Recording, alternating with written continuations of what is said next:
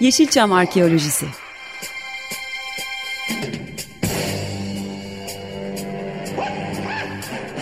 Türk sineması ve Yeşilçam'ın besin kaynakları, emekçileri ve kıyıda köşede kalmış hikayeleri.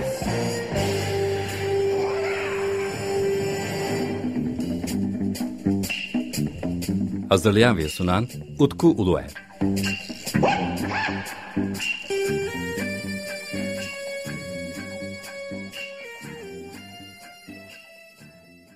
Merhaba değerli Açık Radyo dinleyicileri. Bendeniz Utku Uluer ve yepyeni bir Yeşilçam Aküsü programında sizlerle birlikteyiz. 15 günde bir yayınlanıyor programımız ve bugün çok değerli bir konuğum var.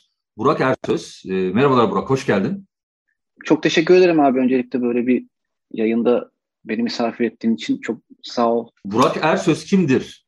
Eğer Instagram'da, sosyal medyada e, biraz geziniyorsanız e, son aylarda Killing Custom ismine rastladığınızı düşünüyorum. Hele sinema seviyorsanız, işte oyuncakları seviyorsanız, e, böyle değişik kendin pişir, kendin ye, kendin yap o tip şeylerle ilgileniyorsanız tabii kendin pişir, kendin ye genelde yemek kanallarında oluyor ama Burak'la biz bundan bir yıl önce, yaklaşık bir yıl önce doğru değil mi Burak? Aynen öyle. Yani 11 ay oldu. 11 ay, tam 11 ay oldu. Bu pandemi döneminde ben onunla Instagram'da karşılaştıktan sonra dedim ki ya çok ilginç. Bizim Sinematik Yeşilçam e, sayfası var. E, Burak'la birlikte sohbetimiz o, o zaman başladı. Ve bugün de geldiği nokta bence çok ilginç. E, sizleri daha fazla meraklandırmayacağım. Burak kendi projesi olan Killing Custom'dan da anladığımız gibi e, custom e, figürler yapıyor. Ve benim onunla tanışma hikayemde Gulyabani'nin bir e, figürüne, daha doğrusu 5 adetti galiba değil mi ondan? 5 tane vardı abi aynen. E, Gulyabani'nin bir figürünü yapmıştı ve ondan sonra e, işte ekledim, konuşmaya başladık. Ondan sonra dünyayı kurtaran adamla ilgili bir figür yapmaya başladı. O dönemin başlangıcından itibaren kendisiyle sohbetlerimiz çok hızlı ve yoğun bir şekilde devam etti. Ve dedim ki Burak artık hani geldiğin noktadan yani geldiğin noktayı düşünüyorsak dedim hani şöyle ciddi bir program yapalım seninle birlikte. Hani bizim Yeşilçam arkeolojisi içerisine artık hani senin yaptığın e, projeyi, senin yaptıklarını da artık bir şekilde dahil etmemiz gerekiyor. Çünkü neden? Türk sinemasının özellikle geçmişinden Yeşilçam Türk sinemasının geçmişiyle ilgili objeler çok fazla yok. Yani bu birazcık işte pek yakında filmiyle birlikte aslında Cem Yılmaz'ın yaptığı. Ondan birazcık daha, daha çok gündeme geldi o tip şeyler ama baktığımız zaman e, oyuncaklar yok. İşte e, bu aksiyon figürleri var ama işte bizim uzay savaşçıları var. O da Star Wars filminin kopyası olarak gelmiş. Onun dışında böyle geçmiş filmlerle ilgili hiç kimse böyle işte o souvenir denen şey, oyuncaklar, o filme ait objeler falan bunların hiçbirisi yaratılmamış. Ve e, açıkça söylemek gerekirse bazı filmlerde kült haline geliyor yıllar sonra. İşte Gulyabani bir kült. Dünyayı kurtar adam bir kült yapım. Ondan sonra işte Tarkan var, bir sürü e, farklı e, filmimiz var. E, açıkçası bütün bu filmler kült haline geldikleri zaman da onların bu şekilde objelerini yapmakta kaçınılmaz oluyor.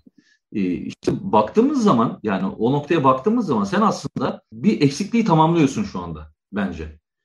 Onun içinde hani bu Yeşilçam arkeolojisi olarak aldığımız konunun içerisinde hani bu Yeşilçam'la ilgili oyuncaklar da çok değerli bence. Şimdi bir kere şuradan bir başlayayım. Hani bunları sen bir oyuncak olarak mı yaklaştın?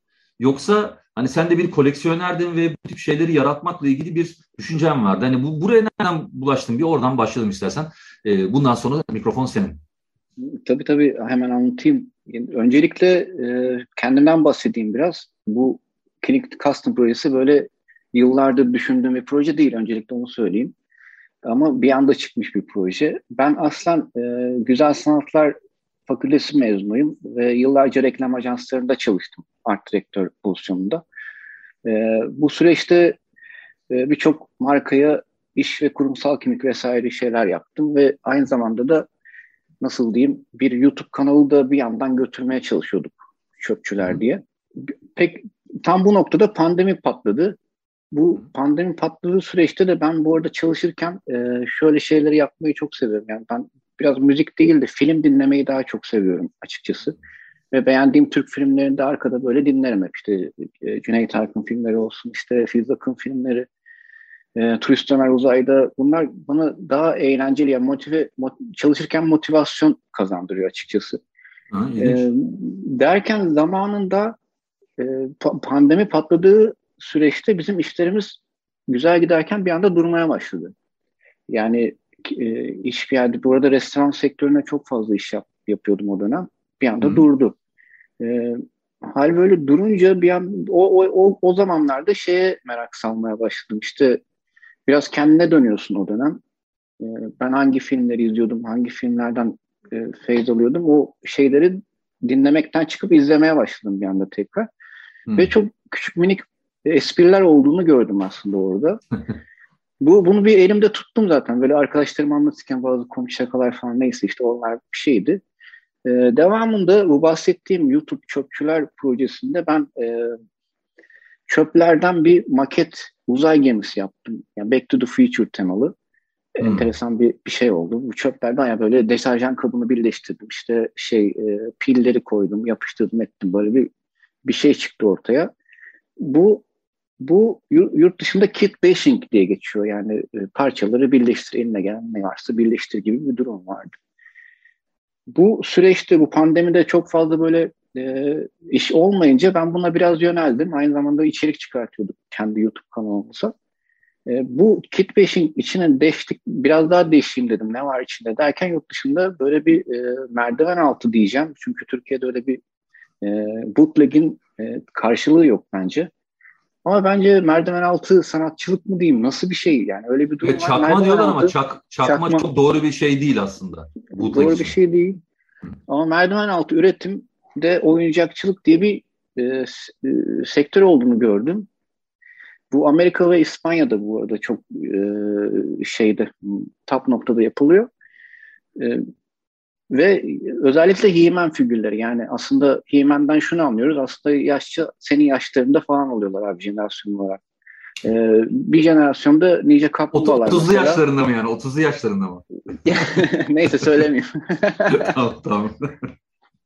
Çünkü ben şeye de çok şaşırdım. Bir tane 80 86 yapımı e, hangi filmde? Orada bir He-Man gördüm ben. Oradan bir kamera şöyle bir He-Man geçiyor. E, kimin filmiydi şu an hatırlamıyorum. Neyse. E, o jenerasyon onlarla oynamış.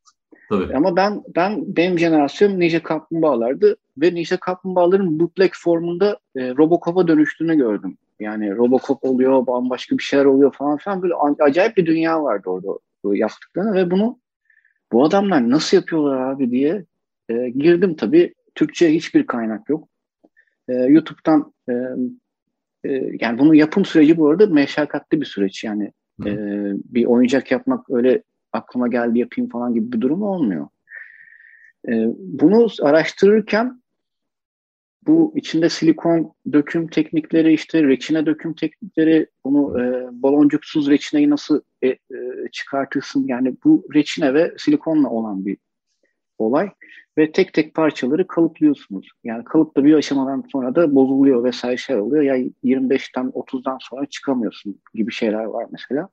Anladım. Yahu dedim bu güzel bir sistem yapabilirim ama e, nasıl yapabilirim diye yani bir tema çıkartmam gerekiyordu bu noktada. Ben de yıllardır yani en sevdiğim filmlerden biliyorum. Yani ben bu arada e, şuraya da gireyim. E, o dönem ben de e, internet üzerindeki mezatlara çok takılıyordum. Yani hmm. e, o şimdi o şey oldu. Normalde mezatlar işte e, Karaköy Karaköy diyorum pardon yani Feriköy, Kadıköy o pazarlarda bir şeyler bulabiliyorsun. Tabii. Daha sonra işte e, mezatlar oluyor, katılabiliyorsun. Kadıköy'de de vardı bu arada. Hani eğlenceli bir kere gitmiştim. Bunun internet üzerinde olması da ilginç bir e, andı benim için. E, telefonunu kaydettiriyorsun. Ondan sonra giriyorsun. E, istediğin peyi veriyorsun. Ürüne kavuşuyorsun falan gibi.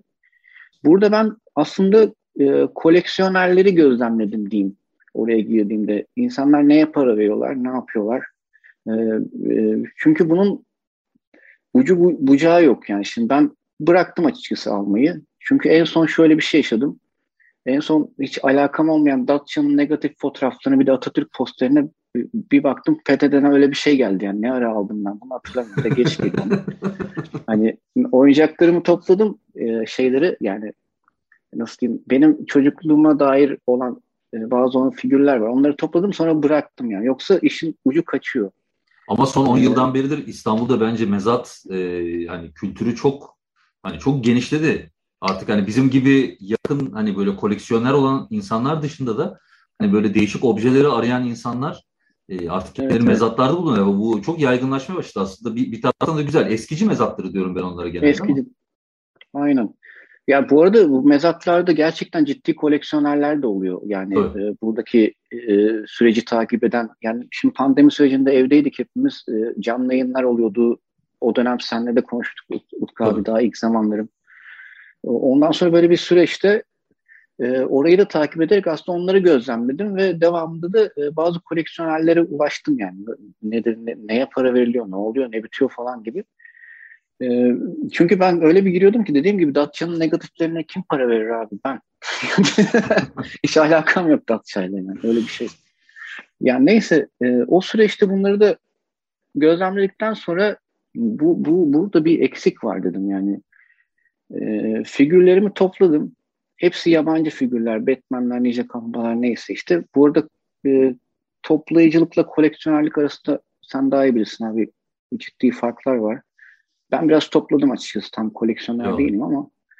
Sonra e, burada eksik kalan bir şeyin de bir Türk filmi figürü neden yok diye kendime sordum o esnada. Zaten filmlerini izliyorum. Bir tane figürünü yapsam e, nasıl olur diye başladı bu. İlk filmde oldukça kült bir film biraz önce bahsettiğimiz e, Dünyayı Kurtaran Adam filminden Murat karakterini yapmak oldu. Yapmaya çalışmak oldu aslında öyle daha doğru olur. E, yani bu bahsettiğim süreç biraz uzun ve meşakkatli bir süreç olduğunu ben orada anladım. Yani boya ne, ne kadar sürdü? Kaç ay sürdü? Ya bunu benim yapmam yani başlangıçtan sonuna kadar araya da Gül girdi. Çünkü uzun sürdü şeyi e, tek tek parçaları kalıplayıp törpüleyip e, yapıştırmak, yapıştırma derken yani hareketli parçalar üretmek e, onlar bir mühendislik gerektirdiğini fark ettim sonrasında yani. Ben onun mıknatısı da çözdüm mesela. Bacaklarını e, ters mıknatıslarla hareket ettirebiliyorum. Kollar da kendi e, geçmeli kollar olduğu için. Hı. Onları da öyle çözdüm ama kafası hareket etmiyor mesela e, dünyayı kurtaran adamların. o, onu hareket ettirmek bir iki ay daha uğraştıracaktı o dönem ama şu an desen yaparım yani. Öyle, öyle bir gelişim durumu söz konusu. Yani bu durumda e, böyle yani açıkçası bootleg kültüründe şöyle bir şey yani bu merdiven altı oyuncak dükkanı yabancı e, kaynakları takip edenler bilirler. Aslında figürün benzemesi ya da e, çok iyi benzemesi ya da ne bileyim yani duruşu vesaire değil. Aslında orada yaptığı espri Mirza e, o figürü öne çıkartıyor.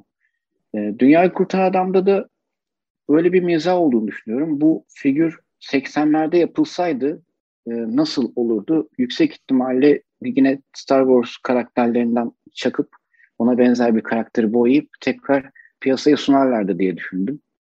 Bu arada e, şunun altını çizmem gerekiyor. Dünyayı kurtaran adam figürünün herhalde en zor yeri ceketini boyamak.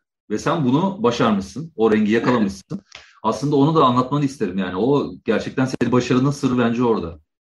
Çok teşekkür ederim Utku abi gerçekten. Şimdi şey e, bu arada e, bunları yaparken ben Instagram sayfasını açtıktan sonra e, tabii diğer e, hobici arkadaşlar da buraya dahil oldu ve onlardan da fikir alışverişlerim de oldu tabii ki de bir boya var. Mesela benim kullandığım ilk yaptığımda hiç olmadı yani. iğrenç bir mavi çıkmıştı ama e, bu arkadaşımın tavsiyesiyle bir markayı önerdi. Onu kullandıktan sonra yine o tutmadı ama üzerine bir pudra atınca ne kadar fazla atarsan daha parlıyor, az atarsan hiç parlamıyor. Tam arada bir denge var orada. Yani onu yaptıktan sonra bir daha da o boyayı 10 tanesine sürdükten sonra bir daha yapamadım zaten. Bir kere denemiştim geçenlerde. Ee, o bir daha olmadı mesela. Onun bir ayarı var unuttum ben onu. Bu arada senin yaptığın şey bizim bir kırmızımız var. Kırmızı renk yakalanıyor Çinli, İznik Çinilerinde. Mesela ondan sonra bir daha o kırmızı renk yakalanamıyor falan öyle bir durum da var. Seninki de biraz böyle bir mavi yakalamışsın orada ve oldu ben bence figürün başarılı olması 10 tane yaptın değil mi sadece?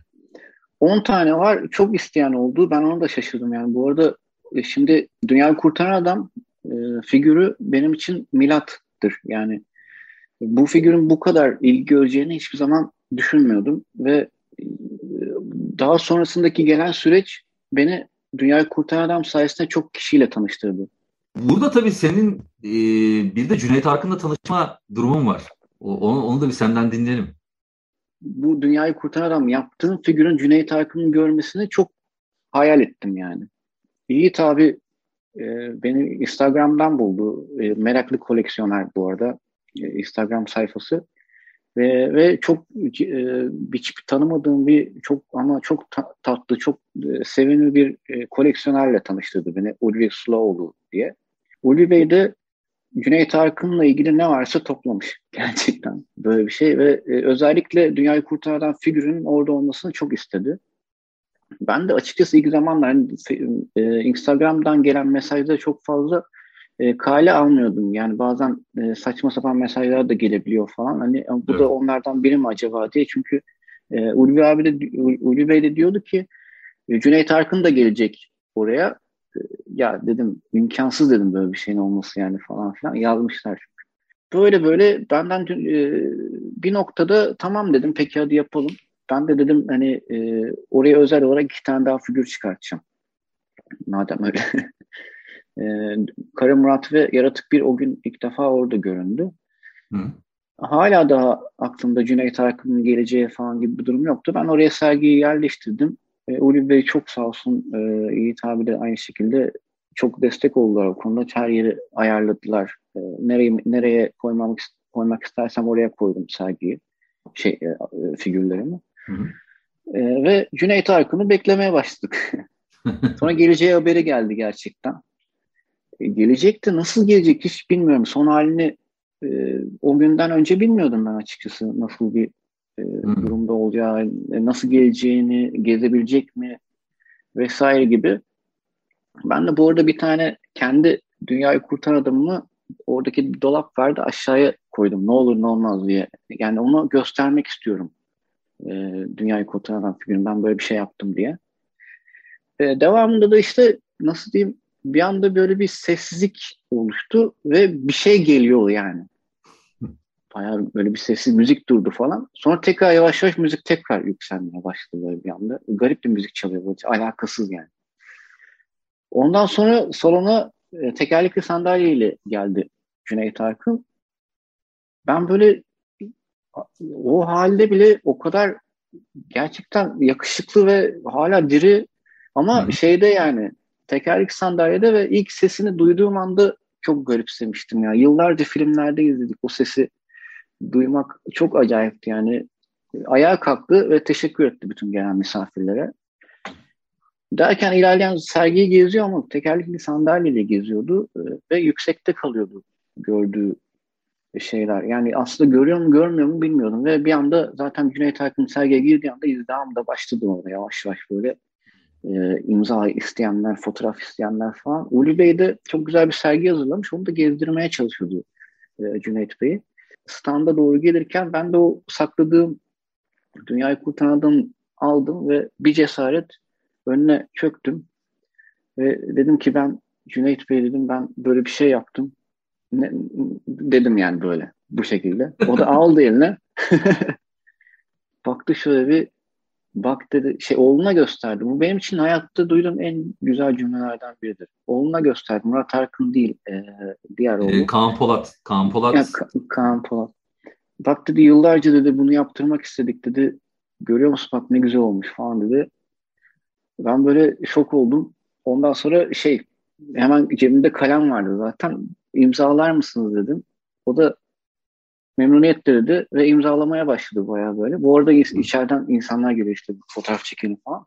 O imzalamaya başladığı anda böyle fotoğraflar çekilmeye başladı ama o fotoğrafların hiçbiri yok şu an yani hiçbir yerde. o, o ben, bende birkaç tane var. Ve göz göze geldik abi bu esnada bana verirken. Eline sağlık Burak dedim. Müthiş müthiş dedi böyle. Tekerlekli sandalyesiyle götürdüler. Ben böyle elimle imzalı dünyayı kurtaran adamla kendi yaptığım dünyayı kurtaranla böyle kaldım abi. Çok acayip bir andı benim için yani. Müthiş bir andı. Yani bir daha böyle bir şey yaşayamam herhalde. E, tabii tabii. E, tabii. e, Çıplak dizi projesinde bu, Can Evrenoğlu e, yine Dünyayı Kurtaran Adam sayesinde e, konuştuk. Bize de Dünyayı Kurtaran Adam gibi bir şey yapar mısın çıplak dedi. Ben de hemen projelendireyim abi dedim. Projelendirdim. Anında onay, onaylandı ve okeylendi. 25 adet figür. Tamam dedim. Yapılır herhalde bir şekilde. Yani işte böyle olması yani gerekiyor. Nedir? Yani senin senin bunu yaptığını e, işte Dünya Kurtaran Adam filminin e, işte Cüneyt Arkın da görmüş. Sonuçta o, e, şey film hakları onda değil ama bunu gelip sana söylemeleri gerekiyor. Yani bundan yapar mısın, üretir misin? Bu, bunları ya bu, bu iş biraz böyle üretilmesi yani e, o ortaya çıkması gereken bir şey maalesef. Yani biz Amerika'da yaşamıyoruz. Ee, orada mesela ikinci sezonda bana hiçbir şey gelmedi. Bu arada e, çıplak figürlerini e, 25 tane daha istediler. Hmm. E, ben bu noktada e, ekip kurmak durumunda kaldım. Bu ekibin bütçesi vesaire şeyler falan. Ve sağ olsun arkadaşlarım müthiş bir özveriyle e, 25 adet figür daha çıkarttık. Yani toplamda 50 tane figür yaptım ben e, Can Evrenoğlu'nun Eylül dizisi için. İkinci sezonda içimden geldi açıkçası. İçimden gelmesi de değil yani sadece atölyede çalışırken başka bir figürle ilgili. E, atölyenin köşesinde bu arada bu sayede atölyeye çıktım onu da söylemek istiyorum. Oo, e, yani e, artık evde değilim atölyedeyim daha rahat dağıtabiliyorum yani ev biraz sıkıntı oluyor. E, yaptıktan sonra böyle toparlaması etmesi zor bahçe toprağı vardı. Hı hı. E, Eylül, Eylül dizisinde iki, ikinci sezonun ilk açılış sahnesinde bir mezardan bir el çıkar böyle. Hı hı. Ben e, de Çıplak dizisinin karakteri Eylül herhalde. Evet evet. Ha, evet. E, Çıplak dizisinin karakteri e, bir el çıkar böyle. Ben de dedim, toprağa baktım. Önümdeki e, blister'a baktım. Bir de bir Dracula eli vardı mesela. Onu kesip biçip e, toprak o bahçe toprağın içinden şöyle çıkarttım. Aa, dedim ilginç oldu herhalde ya deyip e, Can Evrenol'a mesaj attım. Dedim abi bak böyle bir şey yaptım ben falan diye. Çok beğendim. Yani ben böyle bir şey beklemiyordum. Böyle bir şey hemen yapalım, hemen yapalım. 12, 15, 25 neyse yapalım falan. Dedim dur abi o kadar şu an öyle bir zamanım yok. İlk set 6, 12 şeklinde yapalım dedim. O öyle gitti mesela. Ya o esnada yani fikir sattı orada aslında. Evet, ilginç. E, kendi yaptığım, özel yaptığım yani Killing için yaptığım figürlerde e, seti 25'lik olarak tutmayı uygun görüyorum. Çünkü koleksiyonel koleksiyon değerinin artması için. Zaten ben bu işi koleksiyonerlere yönelik yapıyorum. Evet. Yani e, açıkçası biraz şey olacak ama nasıl diyeyim e, e, ilgilenen, bilen kitle alsın istiyorum açıkçası bu figürleri. E, bunlar oyuncak değil yani oynanabilir. E, çocuğuna vereyim oynayayım Kutusu, falan kutusunu gibi şeyler. diyorsun yani. Yani e, kutusunu açabilir. Bu arada öyle şeyler de var. kutusunu açıp tekrar koymalık sistemler de var da. E, yani bunun bir kutusuyla saklanıp çünkü o bir bütün olduğu için öyle bir e, set durumu var. E, keyif almaya başladın. Onu gördüm. Hani bir yılın sonucunda yapıyoruz bu programı seninle tekrar. Hani seninle yaptığımız söyleşilerden sonra. Daha fazla keyif aldığını gördüm senin. Ama sanırım e, asıl işin olarak olmayacak gibi gözüküyor değil mi? E, şu an için tabii ki de asıl işim değil. E, halen daha reklam ajansında e, tasarım yapmaya, yani tasarım yapmaya devam Hı. ediyorum. E, bir yandan bu işi biraz daha e, hayatıma kattım. E, ama bu işi hayatıma kattığım süreçten itibaren ki dönemde çok güzel insanlarla tanıştım abi. Yani e, bu insanlar e, projeleriyle geliyorlar. Veya ben bir projeyle gittiğim zaman hemen yapalım ne gerekiyorsa bunun üzerine gidelim diyorlar. Yani çünkü elimde bir portfolyo var. Ben bunları yaptım. Ee, daha iyisi için daha güzel insanlarla veya bu işi bilen insanlarla daha çabuk bir araya gelebiliyorum. Yani sadece bu sevindiğim nokta bu aslında. Yani daha e, kolay iş yapabiliyorum diyeyim. Olur Bunların hepsi zaten e, art piece olarak yani sanat parçası olarak e, değerlenmesi benim için benim ayrıca hoşuma gidiyor. E, ben bunların hepsine tek tek imza atıyorum bu arada. Yani benim elimden çıktığını anlatmak için yani e, bu da bir şeydir. Yani ben koleksiyoneri özel hissettirmeye çalışıyorum açıkçası. Aldığı bir ürün e, eline dümdüz gitmiyor. E, Killing Custom e, Instagram'dan takip ederseniz Burak'ı e, orada e, özellikle koleksiyonerler için zaten altını çiziyor koleksiyonerler için çok güzel figürler üretiyor. Evet, e, o zaman e, işte Yeşilçam oyuncakları da aslında diyeceğim ama oyuncak demeye kızdığı için Burak. E, oyuncak demiyorum, Yeşilçam figürleri diyorum ben. Figürleri e, olur. figürleri olur. E, Niye öyle bir şey diyorum biliyor musun abi? Bizde çünkü oyuncak kültürü pek fazla gelişmediği için Türkiye'de biraz yurt dışındaki oyuncak kültürlerini alıyoruz. Tabii. Aslında uzay e, şey uzay savaşları tekrar devam etseydi şu an bambaşka bir noktaya gelebilirdik açıkçası. Ee, çok teşekkür ederim Burak. Ben programa katıldığın ederim. için. Bizim Yeşilçam arkeolojisinde e, çok farklı bir noktadasın. E, üretimlerinin devamını diliyorum ben. Umarım seninle birlikte de projeleri de imza atarız. Katıldığın için programa çok teşekkürler tekrardan. Ben teşekkür ederim Utku abi. Çok sağ ol. Yani gerçekten e, kendimi anlatabileceğim bir tek yer senin programın galiba. Estağfurullah.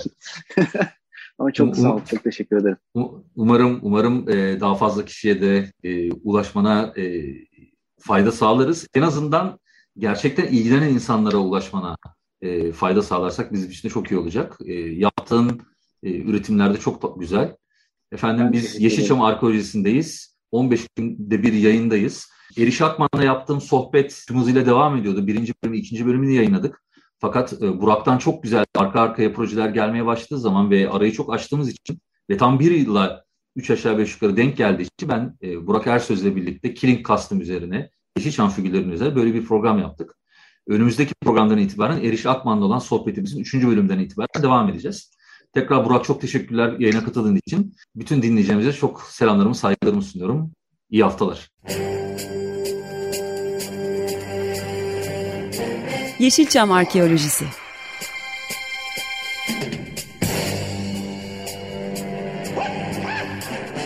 Türk sineması ve Yeşilçam'ın besin kaynakları, emekçileri ve kıyıda köşede kalmış hikayeleri.